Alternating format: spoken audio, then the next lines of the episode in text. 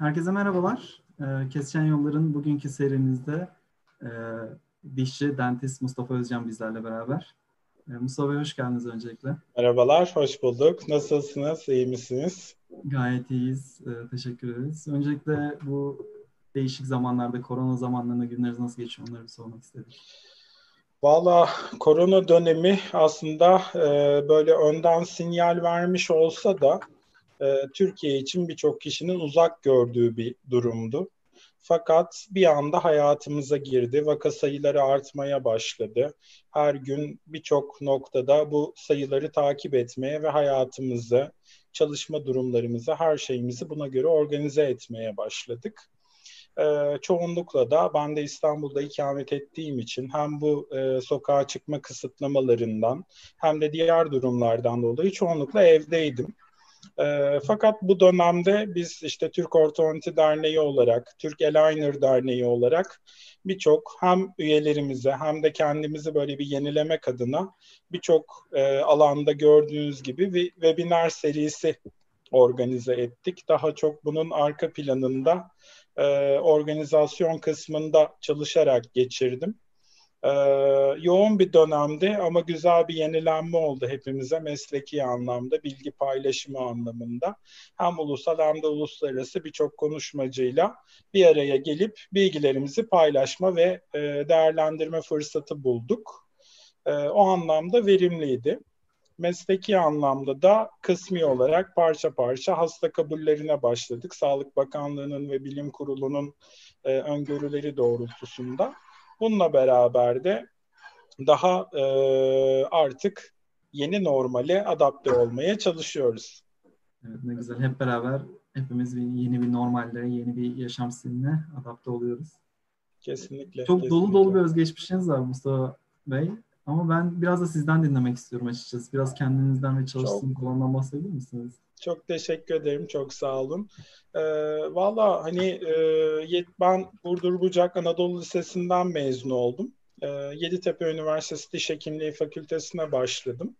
Fakülteye başladığım dönemde aslında bu sosyal e,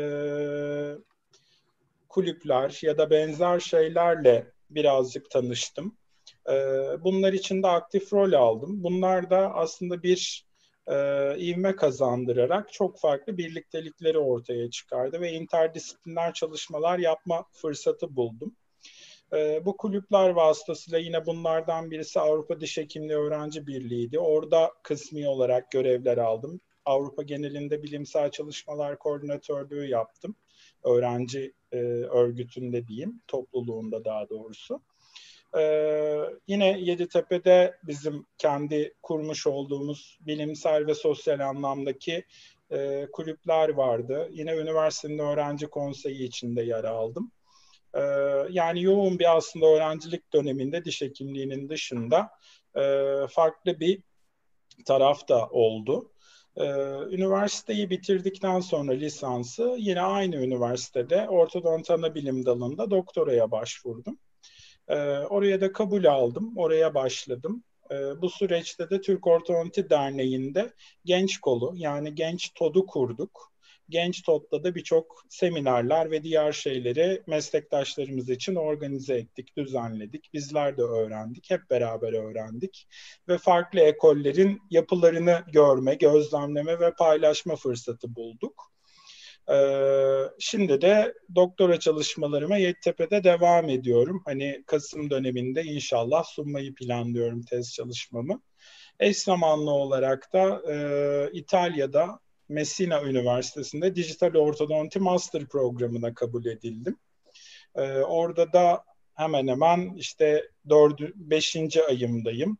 E, şu an online olarak yapıyoruz dersleri online devam ediyor e, programımız, akademik programımız. E, bir de araya böyle birazcık ben hani farklı disiplinleri seviyordum. Onları böyle öğrenci konseyi döneminde bir araya gelince onun güzelliklerini gördüğüm için e, ara dönemde bir de MBA'yi aslında çok böyle gözüm kesmedi.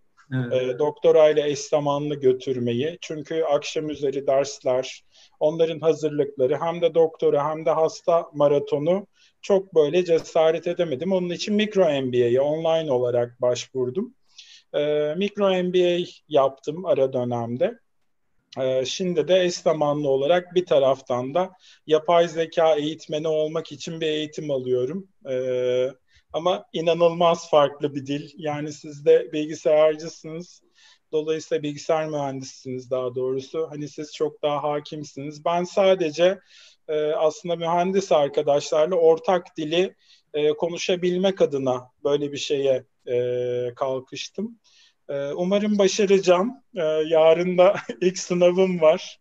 E, onun da böyle bir heyecanı var. E, Python üzerinde böyle bir denemeler falan yapacağız galiba. E, bilmiyorum. Benim için de sürpriz olacak yarın. Ama daha çok o noktalarda çalıştık. E, bir taraftan da onlar devam ediyor. E, eş zamanlı olarak da özel klinikte Ataşehir'de Prodenta'da e, özel klinik uygulamalarına devam ediyorum.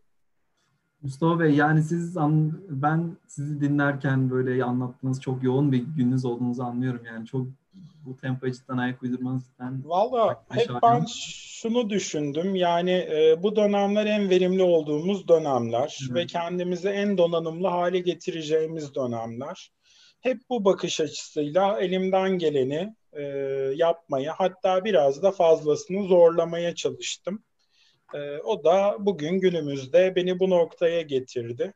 E, umarım hepimiz e, verdiğimiz emeklerin karşılığını güzel bir şekilde alırız. E, ama hani e, bu noktalara vakit ayırmaktan hiçbir zaman pişmanlık duymadım. Dediğim gibi farklı disiplinleri görmek her zaman bana mesleğimde çok farklı vizyonları getirdi. Ee, bunlardan biri de işte ortodontide yapay zeka uygulamaları ya da işte dijital uygulamalar, diş hareketini hızlandırmak için daha farklı şeyler gibi hep böyle güncele katkı sağlayacak alanlarda üniversite içinde de çalışmaları yürüttüm e, hocalarımla beraber ve ekip arkadaşlarımla beraber. E, dolayısıyla hani e, bu her zaman farklı bir vizyonu ortaya koydu. E, elimden geleni dediğim gibi yapmaya çalıştım. Çok güzel. O zaman biraz daha böyle kişisel bir soru olacak ama kendinizi böyle Tabii, e, çok fazla yüklemeye, aynı anda farklı işleri peşinde koşup hani çok fazla işi beraber götürmeye mi çalıştınız? Zorlar mısınız kendinizi? Ya şöyle dediğim gibi birazcık onu seviyorum. Yani çünkü zorlamadıktan sonra bazı şeylerin olması çok mümkün değilmiş gibi geliyor her zaman.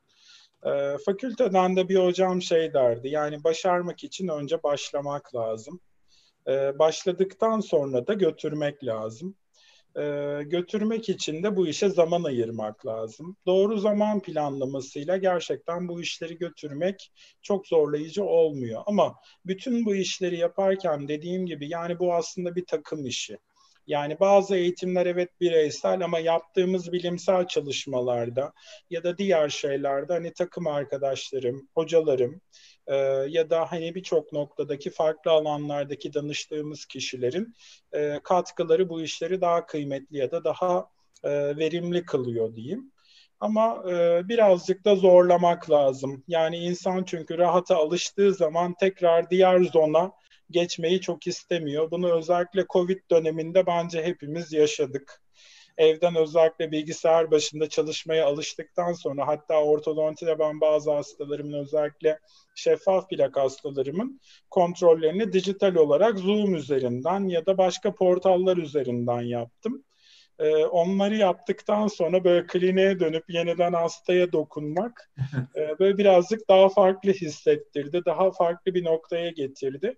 Ama dediğim gibi birazcık zorlamak lazım. Herkesin e, yapabileceğini olabildiği kadar zorlamasını e, öneririm. Öyle söyleyeyim. Buna kesinlikle katılıyorum. Bu e, Amerikanların da söylediği bir söz var. Siz de bilirsiniz. Bu life starts out of the comfort zone.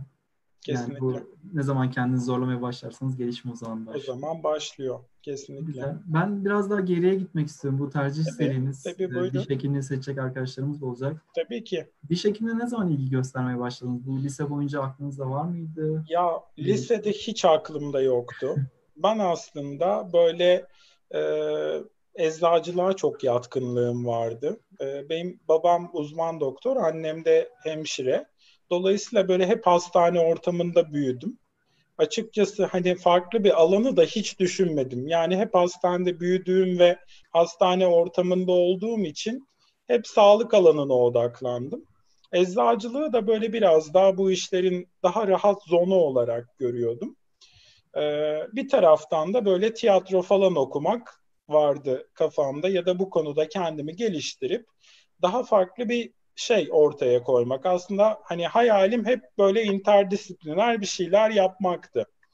Ee, fakat sonra Yeditepe'ye geldim. Ee, orayı böyle işte eczacılığı gezdim, tıbbı, diğer bölümleri falan. Sedefan Hoca da o dönemde Sedefan Oğuz rektör yardımcısıydı. Onunla tanıştım, sohbet ettim. Dedi ki sen çok sosyal bir çocuksun. Bak dedi ben seni bizim diş hekimliğimiz çok iddialıdır.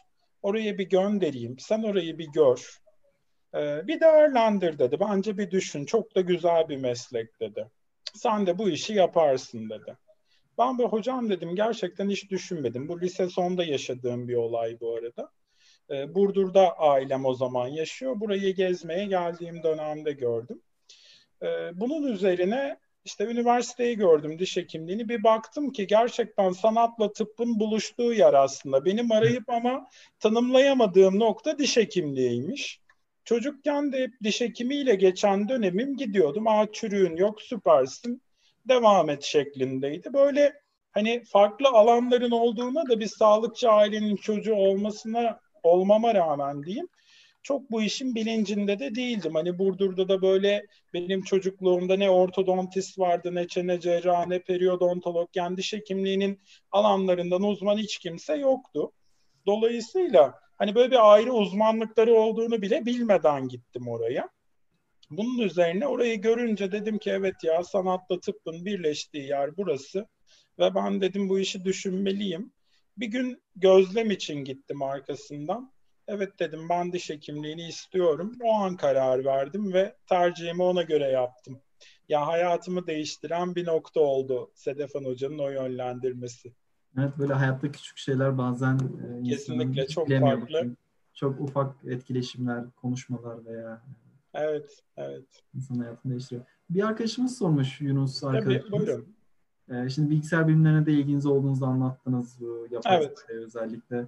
Peki şu an tekrar üniversiteye tekrar dönseniz bilgisayar bilimlerini veya bilgisayar mühendisliğini düşünür müydünüz yoksa yine diş hekimliği mi okumak Ya şöyle, şimdi e, bence e, yani şu, ben mesleğimi aşırı seviyorum. Yani ortodontiyi, diş hekimliğini, her branşını, her noktasını çok seviyorum. Çünkü e, hekimliğin manevi bir tarafı da çok güçlü. Yani hastanın ağrısını dindirme, ona yeni bir gülüş kazandırma, fonksiyonunu ortaya koyma, büyüme gelişmesini yönlendirme. Yani biyolojik olarak böyle çok farklı noktalara müdahale edebiliyorsunuz. Diğer taraftaysa bu işleri aslında geliştiren teknolojinin mimarisini kuruyorsunuz. Yani hani bana öyle gibi geldi bu işlerin içine biraz daha girince. Ee, yine benzer bir çalışma için e, bir mühendislik tarafından bir hocaya gittiğimizde biz böyle şey demiştik. Biz bu tip bir aygıt istiyoruz demiştik. Hoca da demişti ki yani böyle söylersiniz hiçbir mühendisle anlaşamazsınız demişti.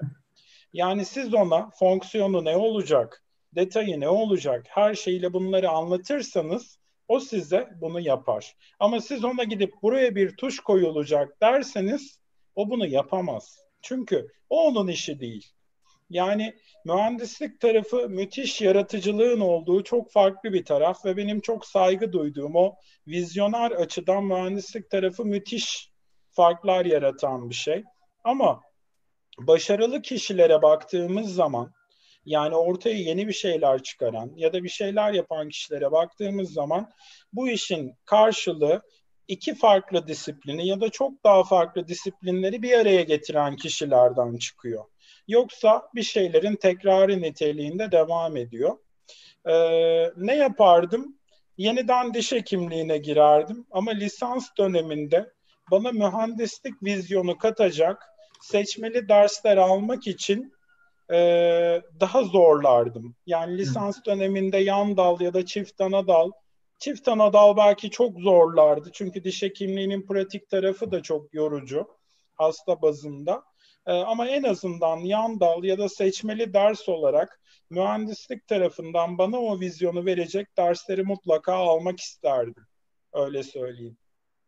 Çok güzel. Yani e, güzel demek ki mesleğinizi yine tercih ederdiniz diyebiliriz. Yani diş hekimliğini yine seçerdim. Çünkü dediğim gibi hani e, hastane ortamında büyüdüğüm için e, farklı bir alanda hiç düşünmedim kendimi. Yani hep sağlık odaklı düşündüm. Tıp, diş, ecza e, bu üçü arasında hep odaklanmıştım çocukluğumdan beri. E, hani diğer tarafı hiç düşünmedim. Hani bilmediğim için düşünmedim aslında. Belki diğer tarafı hani bu dönemdeki vizyonumla görseydim o dönem onları da düşünüp belki zorlardım ama şu an mesleğimi çok sevdiğim için yine diş hekimi olurdum. Yine ortodontiye girerdim ve bu alanlarda çalışmaya devam ederdim. Çok güzel. Yani şu anda tercih yapacak tüm arkadaşlarımız da hangi mesleği yaparlarsa yapsınlar umarız çok severler ve mutlu olurlar. En, en, en önemli faktör gerçekten bu işi sevmek. Çünkü sevmeden yapılacak bir meslek değil. Bence hiçbir meslek sevmeden yapılacak bir şey değil. Durum değil. Çünkü günün neredeyse üçte birini mesleğinizle geçiriyorsunuz. Belki daha fazlasını. Yani üçte birinde uyuduğumuzu düşünürsek üçte biri ya da daha fazlasını dediğim gibi meslekle geçiriyorsunuz ve bütün hayatınıza bu yansıyor. Sevmediğiniz bir işe girdiğiniz takdirde e, o alanda kişinin mutlu olması bence çok zor. Yani hani benim mesela diş hekimliğine girip dördüncü sınıfta bırakıp sosyal bilimlere geçen arkadaşlarım oldu. Yani bir yıl daha sabretse diplomasını almış olacaktı ya da ilk yılından gerçekten ben bu işe evet ailem bana zorladı girdim ama ya ben bu işin adamı değilim deyip ayrılanlar oldu. Ama diş hekimi olmak için hani şöyle söyleyeyim yani bir kere gerçekten bence hani şu an korona dönemi ama e, mutlaka bu işi severek yapan birini, bu kelime bence çok önemli, gidip gözlemlemeliler. Çünkü mesleğe girip bu işi bitirip 15-20 yıldır bu işi yapan ama hala sevmeyen meslektaşlarımız da var. Bunları girip izlerlerse, bunları görürlerse bu onları demotive eder ve doğru bir tercihten farklı bir noktaya gitmelerini sağlayabilir. E, işini gerçekten seven birini e, görmeleri e, her meslek için artılarıyla eksileriyle e, ciddi anlamda kişilerin bu karar vermesinde bence çok etkili. Çok güzel açıklamanız. Çok teşekkür ederiz. Rica Peki ederim. böyle e, diş hekimliği seçecek bir insanın 5 sene boyunca eğitim hayatında onları ne bekliyor? Yeditepe'de aldığınız diş hekimliği eğitiminden bahseder misiniz biraz? Şöyle söyleyeyim. Şimdi hemen hemen e, 2000 2014'te e, ben ilk mezun olduğum dönemde böyle birkaç özellikle hani kulüp etkinliği olarak da gidip biz hem de fakülteden de mesleki tanıtımlar yapıyorduk. Orada da böyle anlatıyordum işte yaşadığımız anılarla ilgili bazı şeyleri. Ee, öncelikle diş hekimliği seçecek kişinin bu işten emin olması lazım. Ben evet hekim olmak istiyorum. Hayat boyu öğrenmeye açığım hayat boyu literatürleri takip edeceğim, kurslara, seminerlere, belli şeylere gideceğim. Bazıları şöyle yorumluyor. Bilgisayar bilimlerinde her şey değişiyor, yenileniyor, ilerliyor, sürekli update kalmanız gerekir ama insan hep aynı insan. Hep aynı doku, hep aynı organ. Evet belki biyolojik olarak bu böyle ama teknikler mühendislik tarafındaki gelişimlere paralel olarak sağlık alanına da çok farklı şekilde yansıyor. Dolayısıyla hani e, bu kişilerin hayat boyu öğrenmeye açık olması gerekiyor. Aksi takdirde bu alanda ne okurken ne sonrasında mutlu olmaları mümkün değil. Çünkü meslektaşları kendini geliştirirken o olduğu yerde kalırsa bir noktadan sonra silinmeye mahkum oluyor. Ee, mutlaka analitik düşünce, kritik değerlendirme, üç boyutlu düşünme, hayal etme, görme. Yani yapacağın işi hastaya yapmadan önce, örneğin o protezleri takmadan önce o hastada nasıl duracağını gözünde görmen lazım. Onun beklentisini çok iyi algılaman lazım. Dinlemeyi çok iyi bilmen lazım. Hekim arkadaşlarımın birçoğu bu işi çok es geçiyor. Neden? Hastanın ilk oturduğunda temel şikayetini sormuyor. Kendi gördüklerini anlatıyor. Önce hastayı bir dinlemek lazım, analiz etmek ve temel şikayetini, diğer şikayetlerini bütün detaylarıyla anlamak lazım. Dolayısıyla bütün bunlara paralel olarak bu işe girdiğinde diş hekimliği öğrencisinin de hekim olarak da öğrenciyken de sabırlı olması lazım. Yani birinci yıl ilk girdiğinde neredeyse tıbba yakın olarak temel bilimlerden dersler alıyoruz. Bunun dışında e, dental morfolojiyi ya da anatomiyi öğrenmek için kimi üniversiteler mumdan, kimi üniversiteler sabundan dişler yaptırıyorlar. E, bu dişler üzerinde dişlerin nasıl göründüğünü, nasıl şekillendirmemiz gerektiğini, ideale yakın konumların nasıl olması gerektiğini öğreniyoruz ya da teknik çizimler yapıyoruz. Yetenekli olmak şart mı? Bence değil.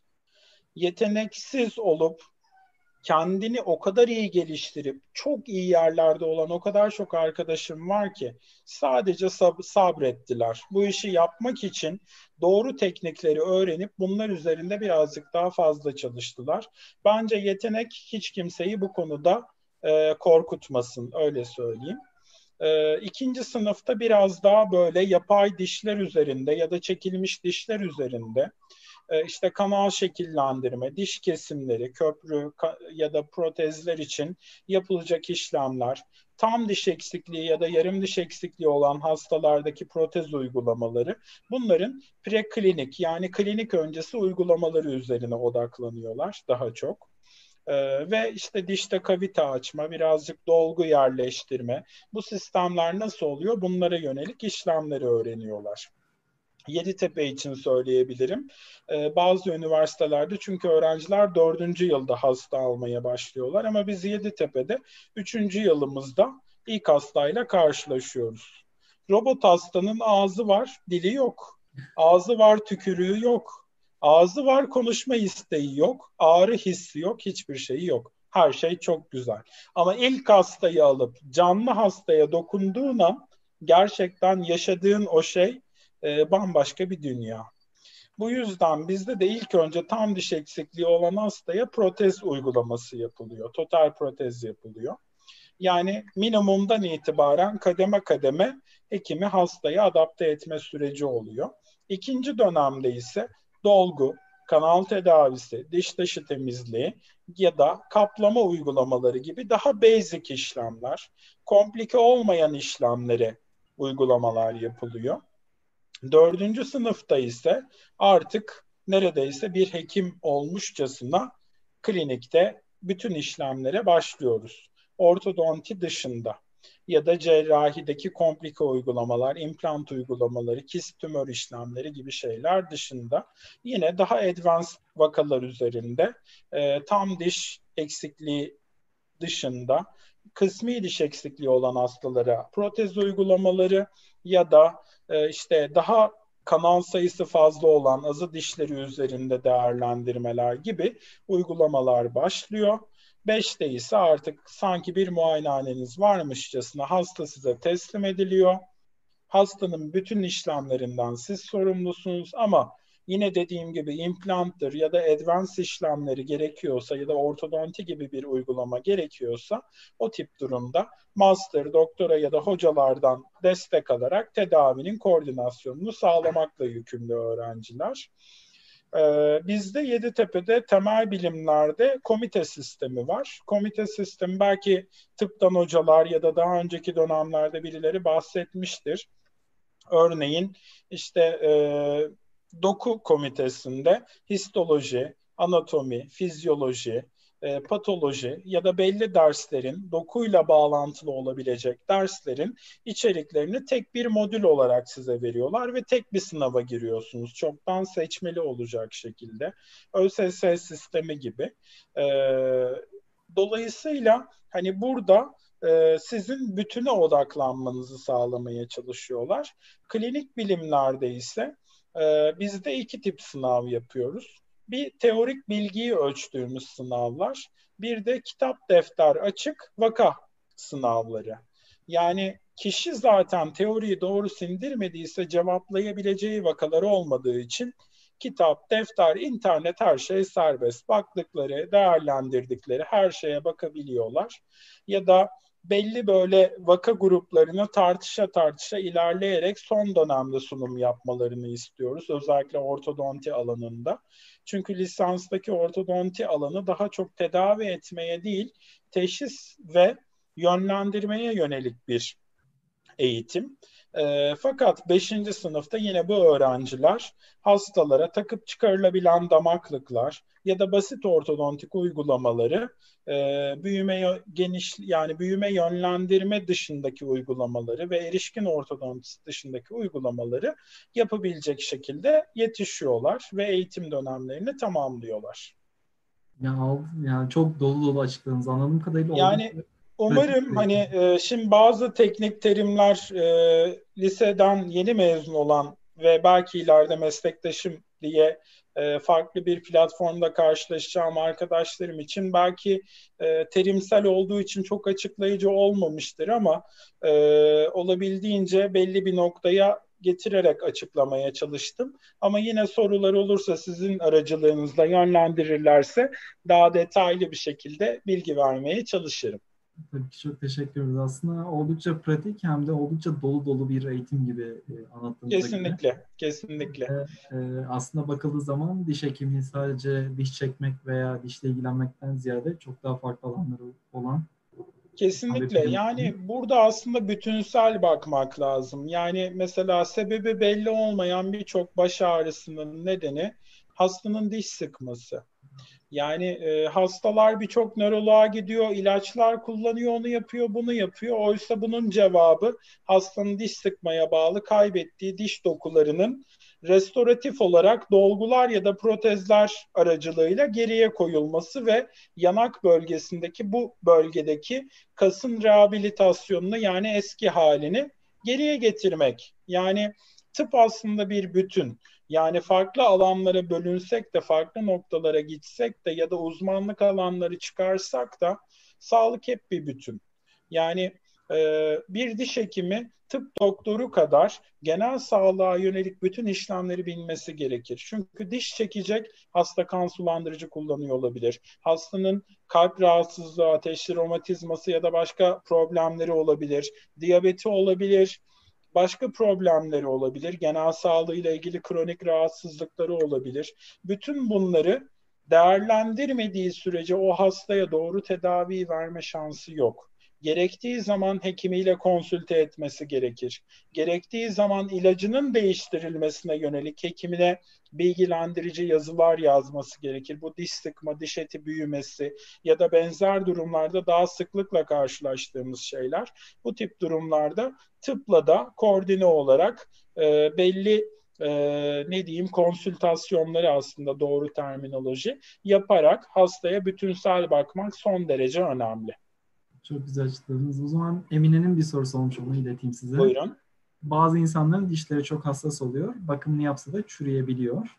Evet. Yapısı tamamen genetik midir? Ee, yapısı kolay kırılgan mıdır? Bu konuya bir yorum yapabilir misiniz? Şimdi burada bu durum çok multifaktöriyel. Yani birçok faktöre bağlı. Yani bu annenin gebelik dönemindeki e, beslenmesinden tutun da e, kaşı üfleyerek vermesine kadar giden bir tablo var. Bu neden önemli? Çünkü e, anne eğer bebeğin e, gelişim döneminde yeterli mineralleri ve yeterli şeyleri almıyorsa vücutların bu süreçteki adaptasyonunda hücrelerin kendi içindeki hareketleriyle oluşturduğu bu yapılarda eksiklikler görülebiliyor.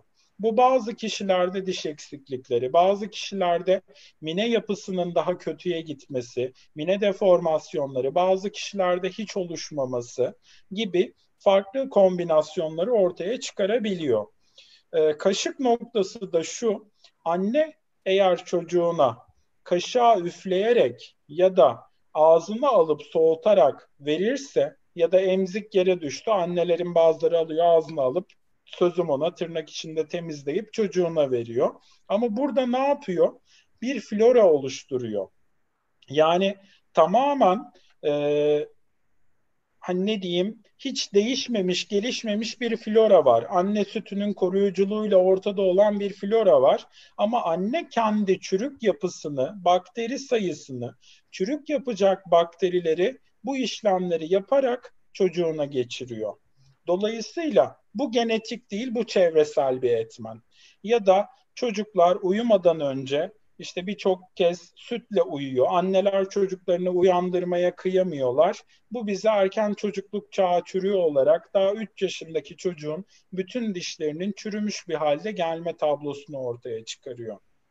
Ya da geliştiği dönemde yani 6 yaştan itibaren daimi dişleri çıktığı dönemde oluşan dişlerle ilgili olarak da kişinin bu dişlerin oluşumu artık kendi beslenmesiyle ilişkili. Yani bu dişler 6 yaş döneminde görünmeye başlıyor ama bu dişlerin oluşumları ortalama 2-3 yaş döneminde başlıyor. Bu dönemdeki gelişim sürecinde antibiyotik kullanımı, tetrasiklin gibi bunlar dişlerde mine bölgelerinde renkleşmelere ya da deformasyonlara yol açabilir. Florürlü su uygulamaları, içmeleri ya da bunların çok sık uygulanması gibi şeyler. Bu tip durumlar minedeki farklılıkları ortaya çıkarabiliyor. Ya da mine hipoplazileri dediğimiz minenin doğru gelişmediği bölgelerin olduğu alanlar olabiliyor. Ama genetik tarafı da şu. Kişinin genel olarak aldığı kodlanan bir yapısı var. Bu kodlanan yapısında da bu minerallerin oranları, değerleri, çökelme miktarları ve bunların yapıları var. Bu yapılar nasıl kodlandıysa öyle geliyor. Ama bunları rutin uygulamalarla, koruyucu uygulamalarla bunlar ne? Gerçekten etkili bir şekilde günde doğru bir iki kez minimum olacak şekilde ben süre vermiyorum. Doğru olan şey etkili ve her yerin fırçalanması. Bazı kişiler bunu iki dakikada yapıyor. Bazıları el becerileri çok iyi olmadığı için beş dakikada yapabiliyor. Siz bu beş dakikada yapabilen kişiye eğer iki dakika senin için yeterli derseniz doğru bilgi vermemiş olursunuz. Dolayısıyla burada hekimlerin de hatası, bizlerin de teorik eğitimden aldığı şey iki dakika her bölge 30 saniye fırçalanacak. Evet bu doğru bir bilgi ama bu herkes için doğru bir bilgi değil. Dolayısıyla etkili ve yeterli fırçalama, mutlaka ve mutlaka florürlü diş macunu kullanmak. Bu neden önemli? Florür ağız içinde asit ataklarına bağlı dişten kaybolan mineralleri tekrar geriye alıyor ve dişi daha sağlıklı, daha sağlam bir yapıya geliştiriyor. Ama siz florürsüz diş macunu kullanırsanız bu tamir mekanizması çalışmıyor. Daha sonra hasta bazen bize anlatıyor. Diyor ki hocam diyor hiçbir şey yoktu. Bir tane diyor ekmek ısırdım dişim içine çöktü diyor. İşte bu durum mineral eksikliğinin içeriye koyulmamasıyla alakalı. Yani florürlü bir macunla doğru fırçalamanın yapılmamasına bağlı. Ya da bazen ara bölgeler çok iyi temizlenmiyor. Benim dişlerim çok hassas, çok kırılgan kırılır. Çünkü ara bölgelerde oluşan çürükler desteksiz bir kutu gibi düşünün.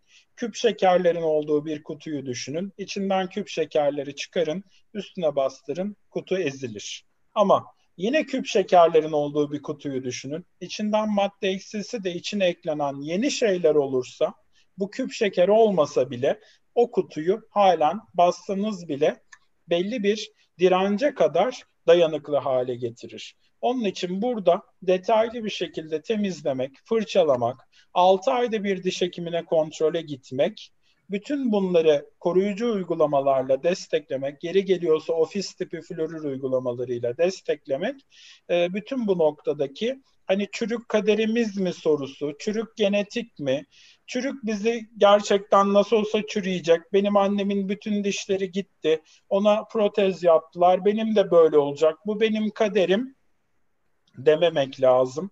Olabildiğince rutin kontrollerle bu işi götürmek lazım. Bizim diş hekimliği eğitiminde temel hedefimiz o dişleri ağızda tutmak. İmplant yapmayı öğretmek değil. Bu nedenle implant temel eğitimde yoktur. İmplant eksikliğin yerine koyulmasıdır. Temel eğitimde eğer implant olmuş olsaydı bu kişileri daha farklı yollara sevk ederdi.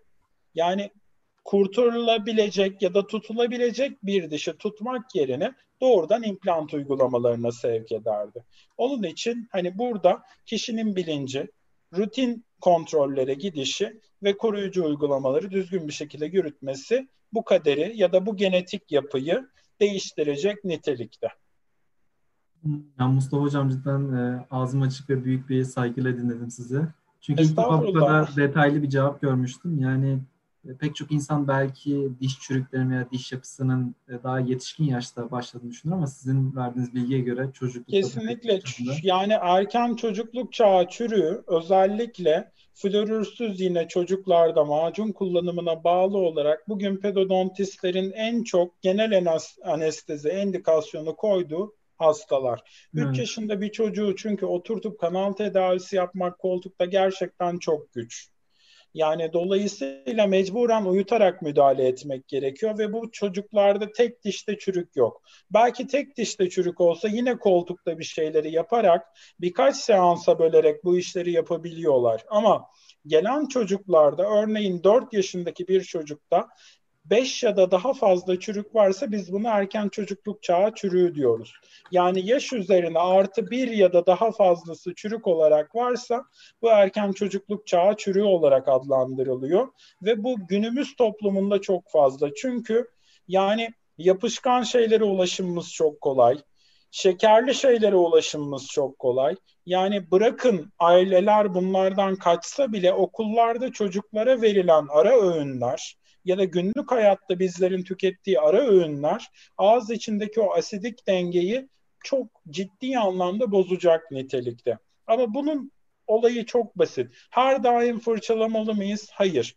Asidik bir yeri bazik hale getirirsek zaten o mineral kaybını ortadan kaldırıyorsunuz. Yani örneğin Fransızların bir alışkanlığı vardır. Her yemeğin sonrasında peynir tüketirler buradaki temel etken aslında ağız içindeki asidik yapıyı toparlamaktır. Yani bu bir kültür olarak yerleşmiş. Bunu sağlık politikaları için entegre ederek bir kültür haline getirmişler. Ve her yemeğin sonunda mutlaka peynirle bitirirler. Bunun temel kökeni dediğim gibi ağız çürüklerinin ya da işte diş çürüklerinin daha doğru terminolojide ağız içindeki o bakteriyel yapının ya da bu asidik dengenin sağlanmasına yönelik hazırlanmış bir politikadır. Yani hiçbir şey yapamıyorsak ağzınızı sadece çalkalamak suyun nötr pH'sı o asitik yapıyı daha nötralize edecektir ve o halinden kurtaracaktır. Onu yapmak bile ciddi bir farklılık yaratıyor.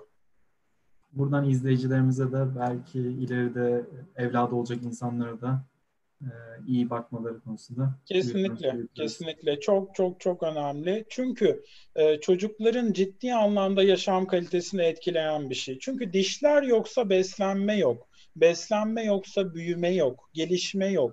Büyüme çağında olan bir çocuğun bize gelen pedodonti için gelen birçok çocuk hastada büyümeye oranda beklediğimiz dönemde örneğin ikiz geliyor çocuklar. Birisi çok iyi diğeri değil. Bakıyorsunuz çürük çok fazla. Çünkü yemiyor, istemiyor. Belki ifade edemiyor onun çürük olduğunu, ağrıdığını, acıdığını ama istemiyorum şeklinde söylüyor. Çünkü çürüğün kanal tedavisi öncesindeki ilk belirtileri sıcak hassasiyeti, soğuk hassasiyeti, şekerli bir şeyler yediğiniz zaman hassasiyet. Yani bu durumlarda böyle elektrik çarpması gibi hissiyatlar olur. Yani e, bu durumları yaşıyor ama ifade edemiyor. Dolayısıyla da bunu beslenmesine aktarıyor. Bu da onun gelişimini olumsuz etkiliyor. Onun için bu durumlar hakikaten çok önemli. Çok güzel açıkladınız. Ben çok teşekkür ederim. Bu da oldukça rica ederim, bir bilgi rica oldu. Rica ederim. Yeditepe Üniversitesi'ne tekrar dönelim o zaman. Tabii. Üniversitede e, pek çok da aktiv, sosyal aktivitelerde ve kulüplerde de oldukça aktifdiniz. Kendiniz de bahsettiniz. Yeditepe Üniversitesi'nin genel olarak e, imkanlarından bahsedebilir misiniz öğrencilerine? Tabii ki. Şimdi e, Diş Hekimliği Fakültesi e, bizim Bağdat Caddesi üzerinde konumlanıyor. Yani ana kampüsten ayrı. Ee, bazı üniversitelerde kampüs içinde yer alan diş hekimliği fakülteleri de mevcut. Ee, fakat bizim hep bir bağımız kampüste yine var. Bu ne demek? İlk iki yıl zaten temel bilimleri tıp fakültesi hocalarından e, kampüste alıyoruz dersleri. Sadece klinik bilimler için e, geliyoruz. Dolayısıyla buradaki süreçte e, bütün yani şu an tam sayıyı bilmiyorum ama benim öğrenci konseyi başkanlığı dönemimde e, Yeditepe'de neredeyse 60'ın üzerinde öğrenci kulübü vardı. Ve bunların hepsi gerçekten sadece adı olan kulüpler değildi. Ciddi anlamda aktif çalışan kulüplerdi.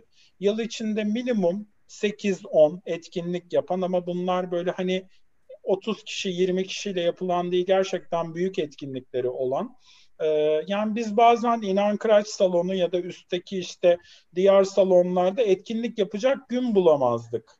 Yani hani çok güzel fikirler olurdu, bir şeyler olurdu falan ama hani salon bulamazdık falan böyle. İşte amfilere giderdik. Tıpların dersi işte atıyorum akşam 7'de bitiyor. O zaman akşam 8'de bir akşam etkinliği koyalım derdik. Orayı kullanırdık. Yani e, o anlamda dolu dolu geçen bir öğrencilik dönemi geçirdim. Halen de aynı şekilde benzer bir tempoda devam ediyor. Bunların dışında e, bizlerde yani bazı üniversitelerde şu baz alınır. E, kişinin çok fazla işlem yapması baz alınır. Bizde diş hekimliğindeki eğitim politikasında stepleri doğru öğrenmesi baz alınır. Belki 3. sınıftaki ya da 4. sınıftaki bir öğrenci X üniversitesinde 20 hastanın dişine kanal tedavisi yapıyordur. Bizde bu sayı belki 10'dur. Ama 10 hastada her aşamada hocanın imzasıyla beraber detaylı bir prosedürle ve incelemeyle double checklerle diyeyim tırnak içinde doğru stepleri kafasına oturtur. Ama e, diğer üniversitelerde sakın söylediğimi kötülüyormuş ya da farklı görüyormuş gibi düşünmeyin. E, daha hani özellikle SGK anlaşması nedeniyle e, sirkülasyonun çok yoğun olduğu üniversiteler. İstense bile e, bu üniversitelerde birebir bu detayların yapılması çok kolay olmuyor. Şimdi ben asistan olarak bazı derslere de girdiğim için bu yapının hani her iki tarafını da kritize edebilecek bir noktaya gelmiş durumdayım. E, dolayısıyla buralarda bazı şeyler kişi eğer detaylı sorgulamıyorsa e, eksik öğrenimle sonuçlanabilir. Çünkü bizdeki o hastayı aldığın zaman ve baktığın zaman mezun olana kadar o hastanın hekimi sensin.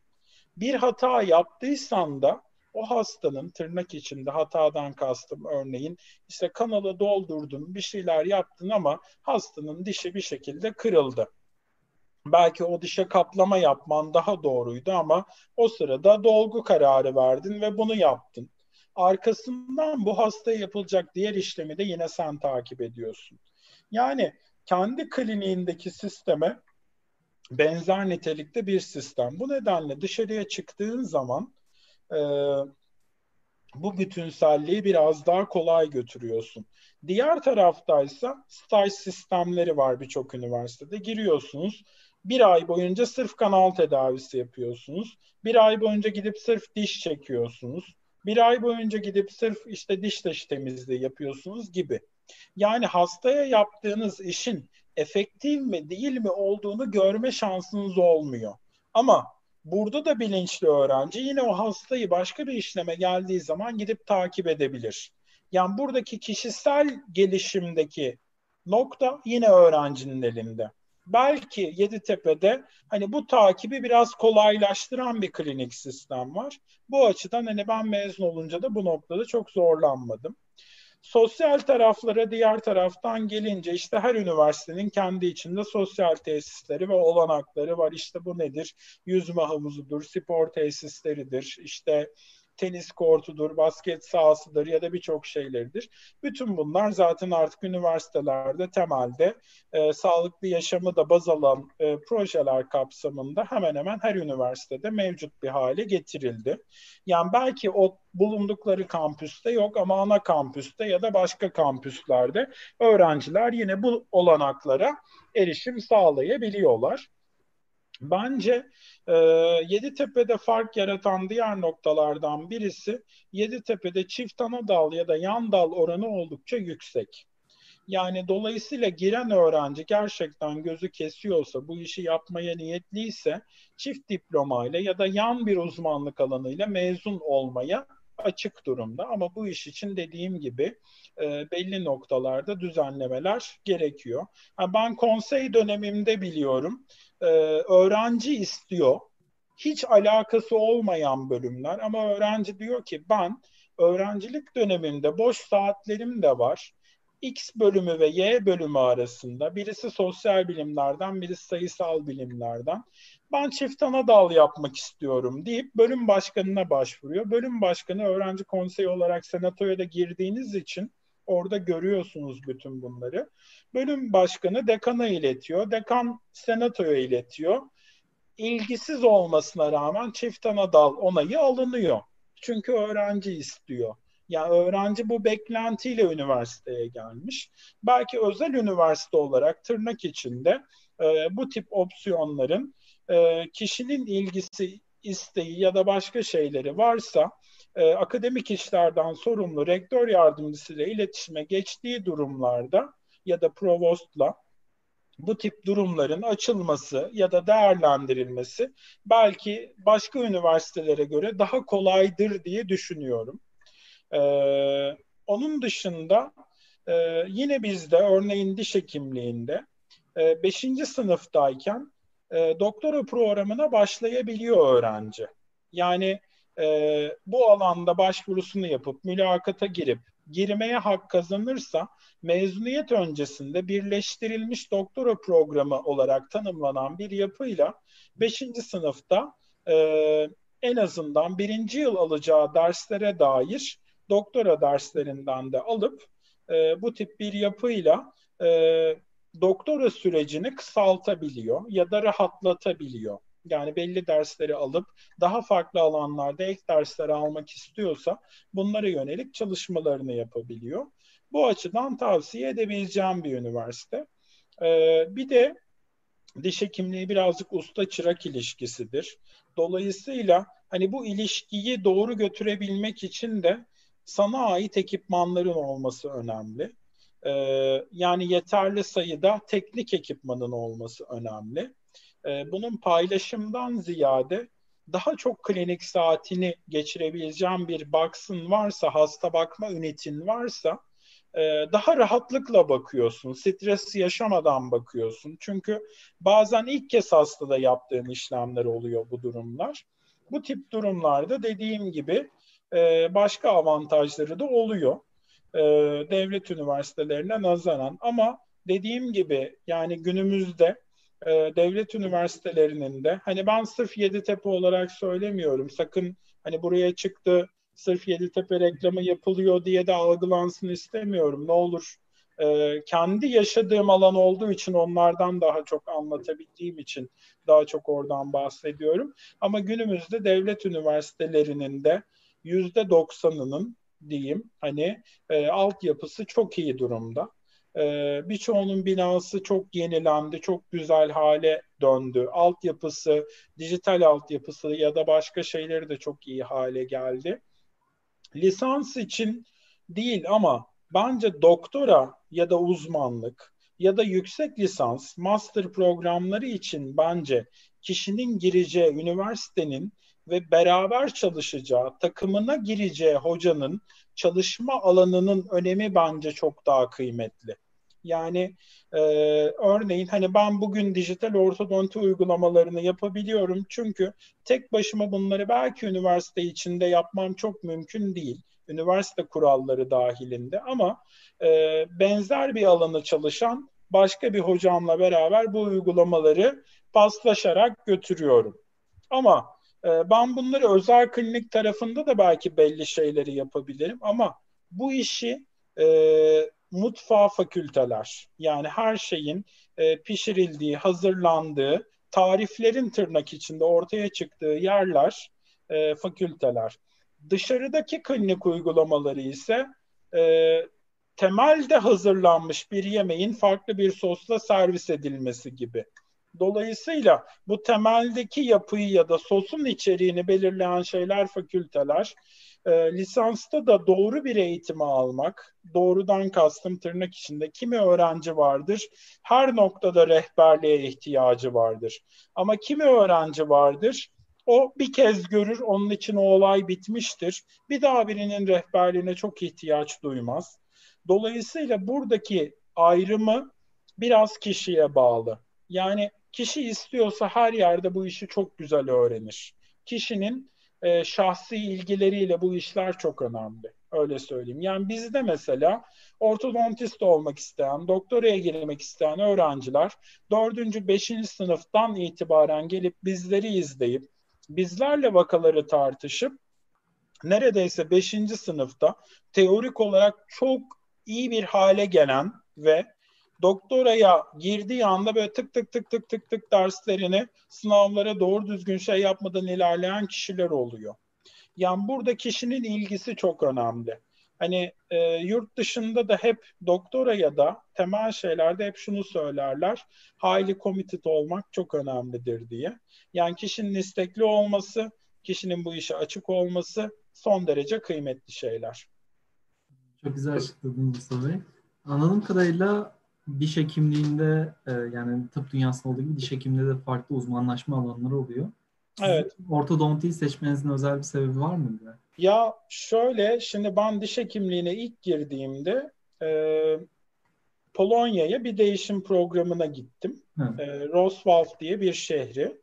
E, şimdi o zaman böyle sadece morfoloji bildiğim için yani dişleri yapmayı falan biliyorsun. Bir de temel bilim gördüm. Dedim ki hani ben protezle gözlem yapayım.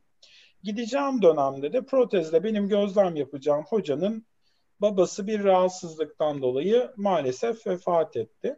Ve hocayla biz bir araya gelemedik. Sonra da dediler ki işte hani madem bu estetik işlerle ilgileniyorsun biz seni ortodontiye yönlendirelim. Sen orada gözlem yap. Oraya da gittim. Ortodontinin o kadar çok pensi ve ekipmanı var ki hiçbir bilgim yok, hiçbir fikrim yok. Hocanın benden bir beklentisi var. Asiste ediyorum. Yapabildiğim tek şey suction tutmak. Tükürük emiciyi tutmak ağzında. Çünkü bir onu biliyorum. Ve onun dışında hiçbir fikrim yok yani. Benden katır istiyor, takır istiyor. Böyle şey diyorum. Acaba katır mı dedi. Ya katırda işte İngilizceden Türkçe'ye çevirince işte bu kesici hangisi kesiyordur acaba bu aletlerin falan gibi böyle beynimde bir döngüyle oradaydım. Ve hemen ilk arada dekanlığa gittim. Dedim ki yani hani ben tamam bir şeyler öğreneceğim ama hoca dedim bana öğretmekten hastasına bakamıyor. Ve dedim ben hani çok kötü hissettim kendimi. Bir de hoca hamileydi ve hani gün içinde çok sınırlı bir saatte gelip o sırada hasta bakıyordu. Çok kötü hissettim kendimi ve şey dedim. Ortodonti nasıl bir alan ya? Diş hekimliğiyle de hiç alakası yok. Hani tek şeyi dişe bir şeyler yapıştırıyorsun ve ilerletiyorsun. Yok dedim bu bölüm hiç bana göre değil. Siz beni dedim başka bir yere alın. Cerrahiye verdiler. Orada gözlemde. Daha birinci sınıfta böyle birçok bölümü görme fırsatım oldu. Orada. Ve döndüğüm zaman dedim ki ne seçeceğim bilmiyorum ama ne seçmeyeceğim biliyorum. O da ortodonti dedim. Sonra büyük konuştum herhalde bilmiyorum yani dördüncü sınıfta işte bu bilimsel çalışmalar sırasında işte bu e, ne diyeyim araştırmaları belli şeyleri yapmaya başladık. Ortodontide de bu dijital ölçü kavramları daha böyle yeni yeni literatüre girdi. Bizde de arşivi dijitalize etmeye çalışıyorlardı ortodonti bölümünde. Ben de hocaya gittim. Hocam ben bir çalışma yapmak istiyorum. Böyle böyle bir şeyler okudum hani e, bu konuda bir şeyler yapabilir miyiz dedim. Hoca dedi ki tabii ki ya süper olur falan dedi. Sonra böyle ortodontinin aslında çok farklı bir alan olduğunu görmeye başladım. Bununla beraber de o alanda birkaç çalışma daha yaptım 5. sınıfa kadar. Ee, bu sırada da 5. sınıfta Sırbistan'da bir öğrenci kongresinde o yaptığımız çalışmayı sundum. Bir de birincilik aldık falan oradan. İyice böyle gaza geldim tırnak içinde motive oldum. Aa dedim işte çok güzel harika falan işte çalışma da çok güzel bir konuma geldi iyi oldu falan diye böyle bu sırada işte doktoraya başvuracaktım fakat dediler ki bu yıl ortodontiyi açamıyoruz. Çünkü hali hazırdaki öğrenciler henüz daha mezun olmadı. O zaman işte doktora da kalkacak mı kalkmayacak mı olayları varken ben de bir taraftan da işte böyle çocuklarla da hep diyaloglarım çok iyiydi. Bir de çok da severim hani çocuklarla e, bu işlerle ilgili konuşmayı, onları tedavi etmeyi falan. Doktora da ya kalkarsa korkusuyla pedodontiye başvurdum. Bir yıl oraya işte kaydoldum ama hiç gitmedim. Dondurdum kaydımı. Çünkü kaydolup başladığın anda orayı kabul edip oranın bir parçası oluyorsun. Birinci yılın daha ortodonti açtı. Ben buraya geçeyim diyemezsin. Çünkü hepsi hocam. Seni güvenip bölüme almışlar. Bir şeyler yapmışlar. Sınav açıklandı. Ben zaten o gece uyuyamadım. Sabahına gittim bölüm başkanına. Hocam dedim ben böyle böyle başvurdum ama dedim ben çok emin değilim. İzniniz olursa ben kaydımı dondurmak, bu yıl dışarıda birazcık çocuk hasta bakmak ve bu konuda gerçekten bu işi istiyor muyum, istemiyor muyum bunun kararını vermek istiyorum dedim. O sırada dışarıda ağırlıklı olarak çocuk hastalarla biraz vakit geçirdim çalıştığım klinikte. Pedodontistimiz de doğum iznine çıkmıştı. E, dolayısıyla orada hani daha çok çocuk hastalarla e, içli dışlı oldum.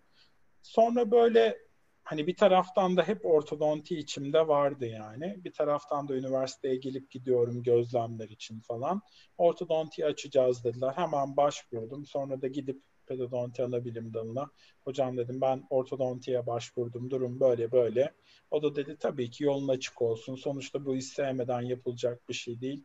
Hocam dedim sevmemek değil ama benim dedim hani hep aklımda kalacağını düşünüyorum. Ee, istediğim de bir bölümdü biliyorsunuz. Hatta mülakatta da bana sordunuz sen ortodonti istemiyor muydun diye. Ee, durum böyle dedim. O şekilde başvurdum. Sağ olsun hocalar da kabul ettiler bölüme asistan olarak. Orada çalışmalarımıza devam ediyoruz şimdi. Çok güzel Mustafa Bey. Biraz da aslında böyle hep akıllarda olan soruları sormak istiyorum. Böyle tabii tabii buyurun. Yani, buyurun. Güzel. yani üniversite okumak, üniversite bölüm seçmek bir anlamda da gelecekte yapacağımız işe karşılık geliyor bir nevi. Yani Kesinlikle. Seçmek olduğu için. Ve şöyle bir insanların çekincesi oluyor. Ya ben işte bu bölümden her yıl binlerce kişi mezun oluyor. Yaklaşık evet. 5000 e, mezun veriyor. Sağlık Bakanlığı ise işte oldukça düşük bir atama Çok yapıyor. Çok düşük bir rakamda atama yapıyor. Ben mezun olunca iş bulabilecek miyim veya nasıl bir iş bulabileceğim? Veya ya, iş, iş bulmama, işsiz kalmamak için neler yapmam gerekiyor yani? Burada şöyle, şimdi e, temel faktör fark yaratmak. Yani e, siz fark yaratacak bir şeyler yaptığınız takdirde e, diş hekimi başına yani şu an nüfusu oranla diş hekimi sayısı halen çok geride. Belki bundan 10 yıl sonra çok daha farklı noktalara gelecek. Hem özel üniversitelerin açılması hem devletteki bölüm kontenjanlarının arttırılması sonrasında. Fakat yani e, sağlık alanında insan olduğu sürece hep bir açık olacak.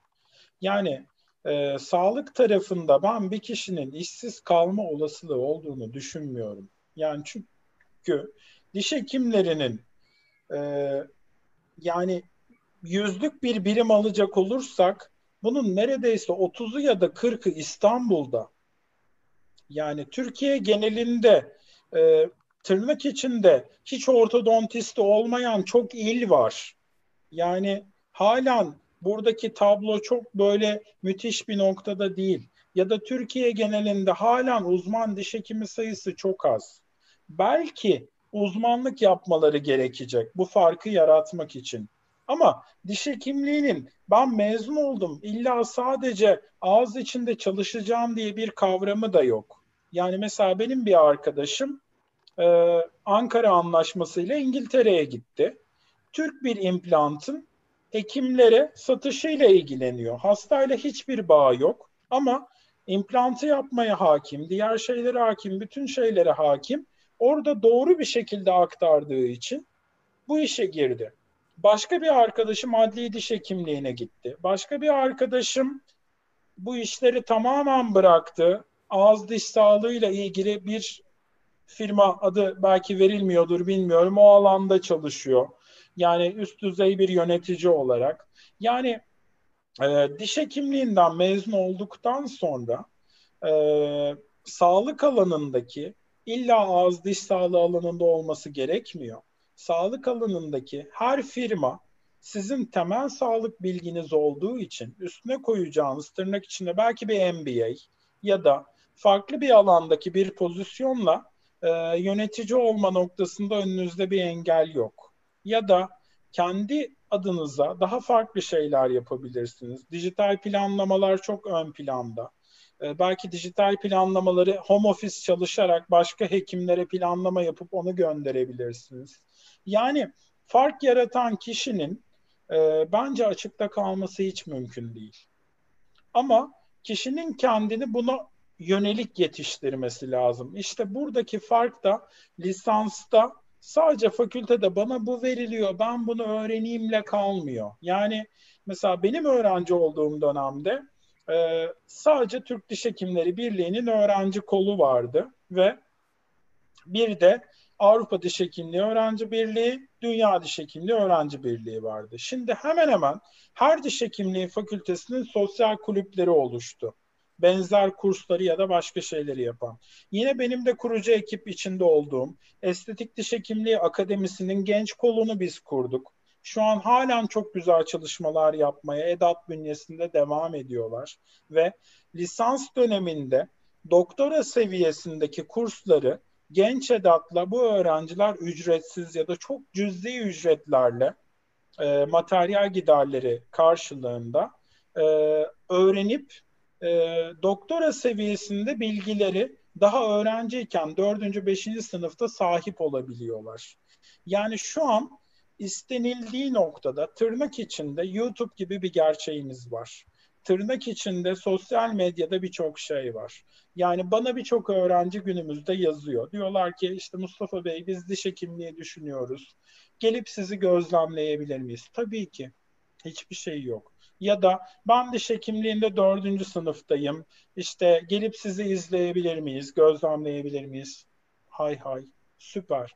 Yani böyle bir öğrenciyi ben hiçbir hekimin tırnak içinde bu işe emek veren ya da bu zorlukları yaşayan hiç kimsenin reddedeceğini düşünmüyorum.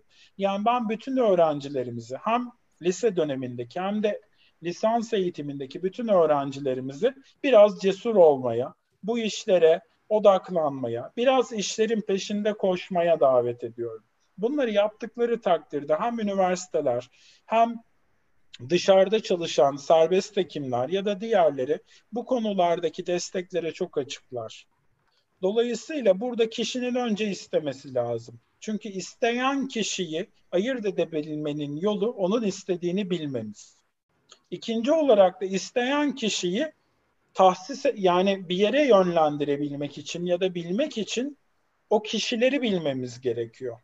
Bunları isteyen kişiler olduğu sürece ben bu noktada kayıtsız kalacak bir meslektaşımın olduğunu çok düşünmüyorum açıkçası. Bence de çok güzel açıkladınız yani yapılan her işte bir fark yaratmak, bir bu yani şey. ya da farklı disiplinlerle bu işi bir, birleştirmek. Yani tırnak içinde ekstradan psikolojiden ders alın, Sırf diş hekimliği korkusu olan hastalara bakın.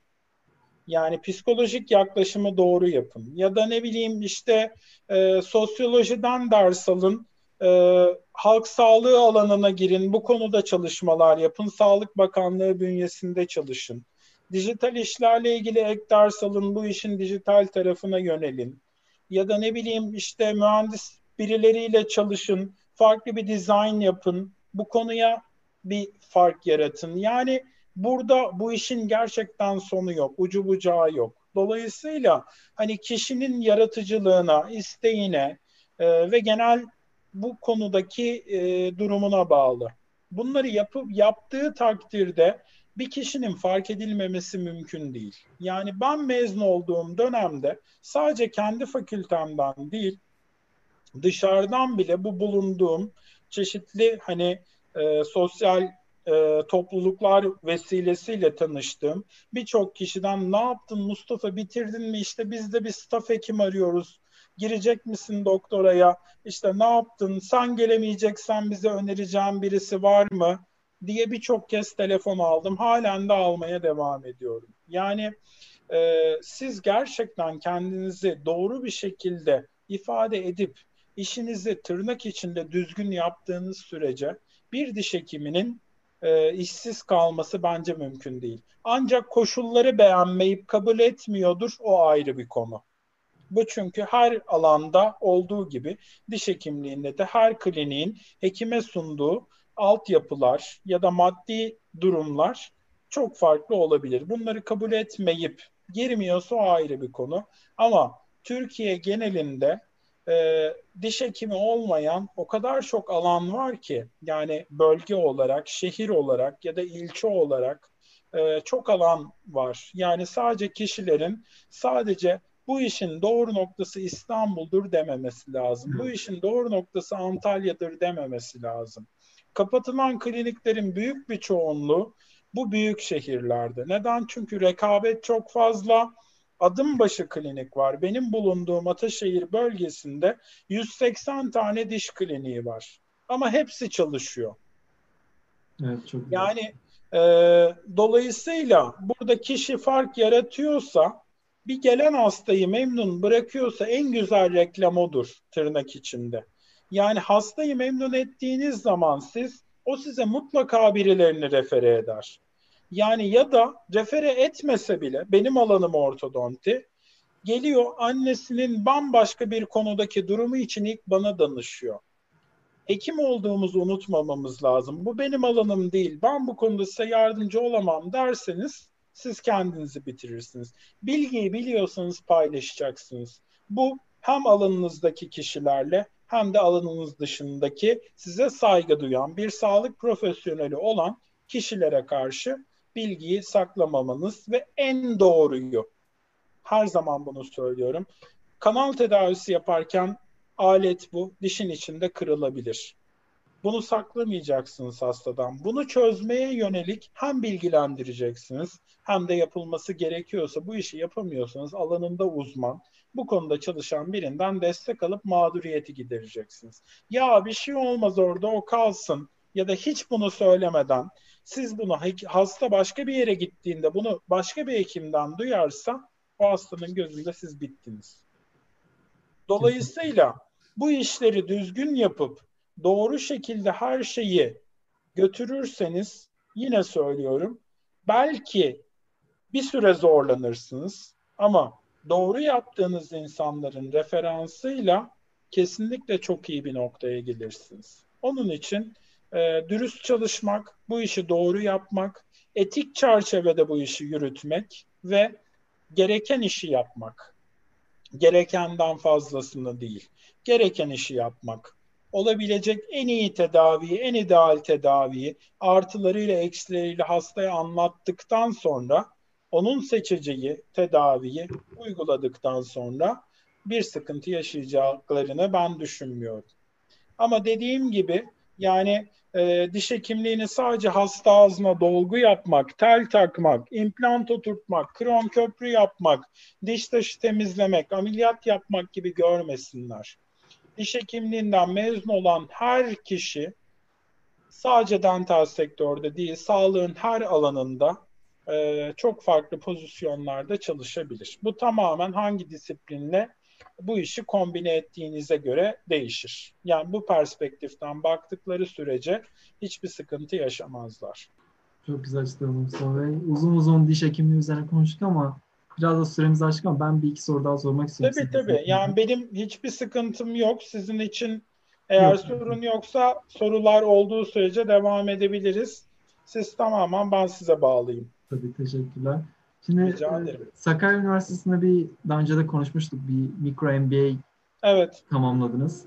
Bu mikro MBA'in size katkısı neler oldu? Bunlardan biraz Ya şöyle şimdi e, tırnak içinde hep e, bazı alanlarda işte hep şey denir.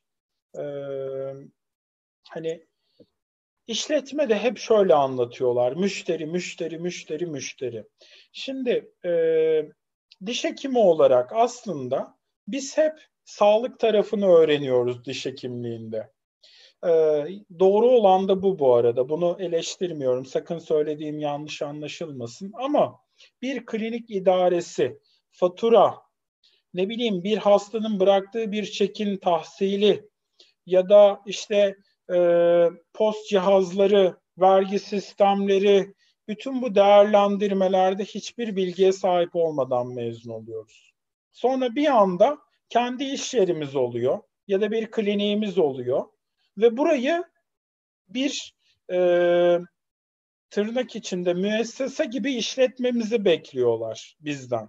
Çünkü hem vergisel tarafta hem de diğer taraflarda e, bir şeyleri gözden kaçırdığınız zaman bunların yaptırımları çok ciddi anlamda maddi yaptırımları da oluyor.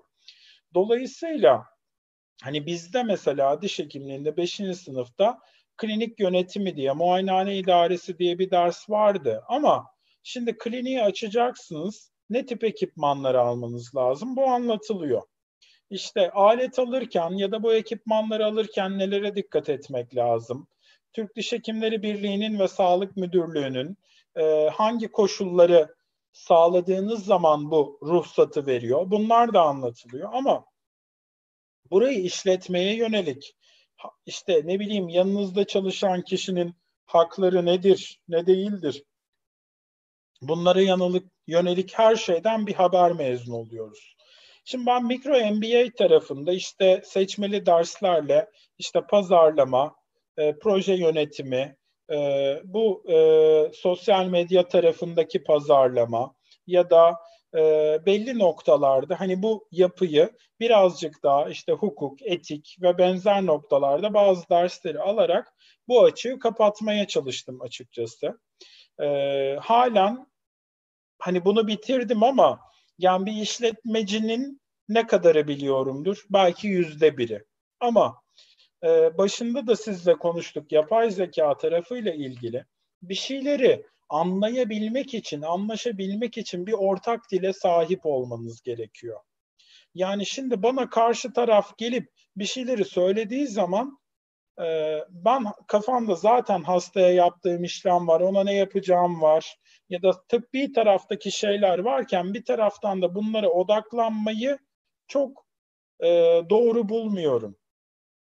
Dolayısıyla hani ben sadece karşı tarafla anlaşabileyim, bu ifadeleri onunla, onun bana söylediğini bir şeylere sürekli bakarak, araştırarak e, değil de en azından basic'te birbirimizi daha doğru algılayabilelim diye bu işe girdim. Ama bu işin çok farklı katkıları oldu. Gerçekten zaman yönetimi, proje yönetimi ya da benzer noktalarda kişilerle iletişim ya da diyalog kurma, bunları doğru aktarma, doğru anlatma.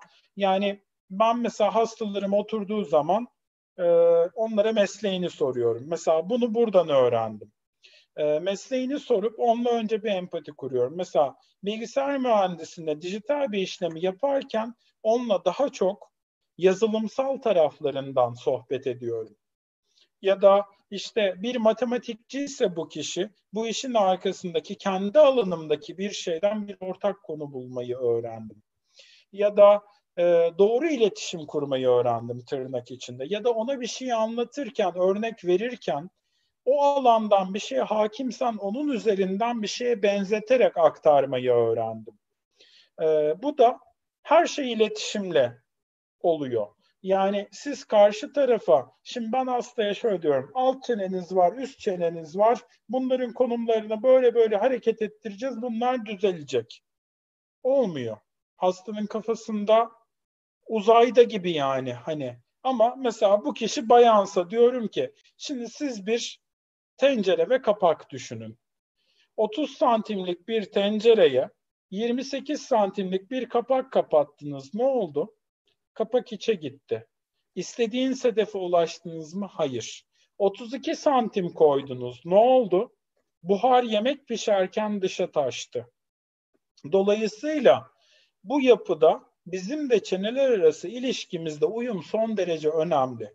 Siz bana diyorsunuz sadece üst çenede benim şikayetim var. Şu dişi döndürün ama bu iş böyle değil. Bu iş sadece estetik değil. Bu iş fonksiyon, bu iş çiğneme, bu iş kapanış, bu iş doğru konuma, doğru noktaya getirme. Bütün bunları yapmadığınız zaman ne yaparsınız? Ya kapak yarıya kadar kapatır ya da dışarı su taşırırsınız. Belki o yemek pişer ama kapak doğru kapanırsa doğru sürede pişer. Kapak doğru kapanmazsa doğru sürede pişmez. Bunu söylediğin zaman kişi diyor ki evet ya işte benim kapanışım gerçekten böyle. Hani bana bir arkadaşım şey demişti. Çok doğru bir mesleği seçtin. Konuşmayı çok seviyorsun. Hasta da sen çalışırken konuşamıyor. O süper dedi. Yani olabildiğince konuş. Yani kimi hasta gerçekten bütün detayları anlatılsın istiyor. Kimi hasta da tam tersine diyor ki bana hiçbir şey anlatmayın. Yapın, bitsin. Ben şu koltuktan kalkayım. Zaten her oturuşumda geriliyorum. Rahatsız oluyorum. Hiç de sevmiyorum. Hani yapın bitsin. Göstermeyin bile diyor. Yani burada da hastayı doğru analiz etmek lazım. Yani e, dediğim gibi buradaki temel nokta e, biz aslında işte ne bileyim itibar yönetimiydi, şuydu buydu bunların hepsinden yoksun yetişiyoruz. Ama mesela gelen mesela diş hekimliğine giren öğrencilerin büyük bir kısmı ortodontik tedavi görmüştür. Ve ortodontist de bu şeyini sağlamıştır, bu izlenimini. İşte gittim ya bir ortodontistimi bir yıl boyunca, iki yıl boyunca tedaviye gittiğim süre boyunca ya ben bu işi çok sevdim demiştir. Yani bize gelen öğrencilerin büyük bir kısmının ya ortodonti geçmişi var ya anne baba diş hekimi ya da benzer nitelikte sağlık alanında birilerinden gelenler var.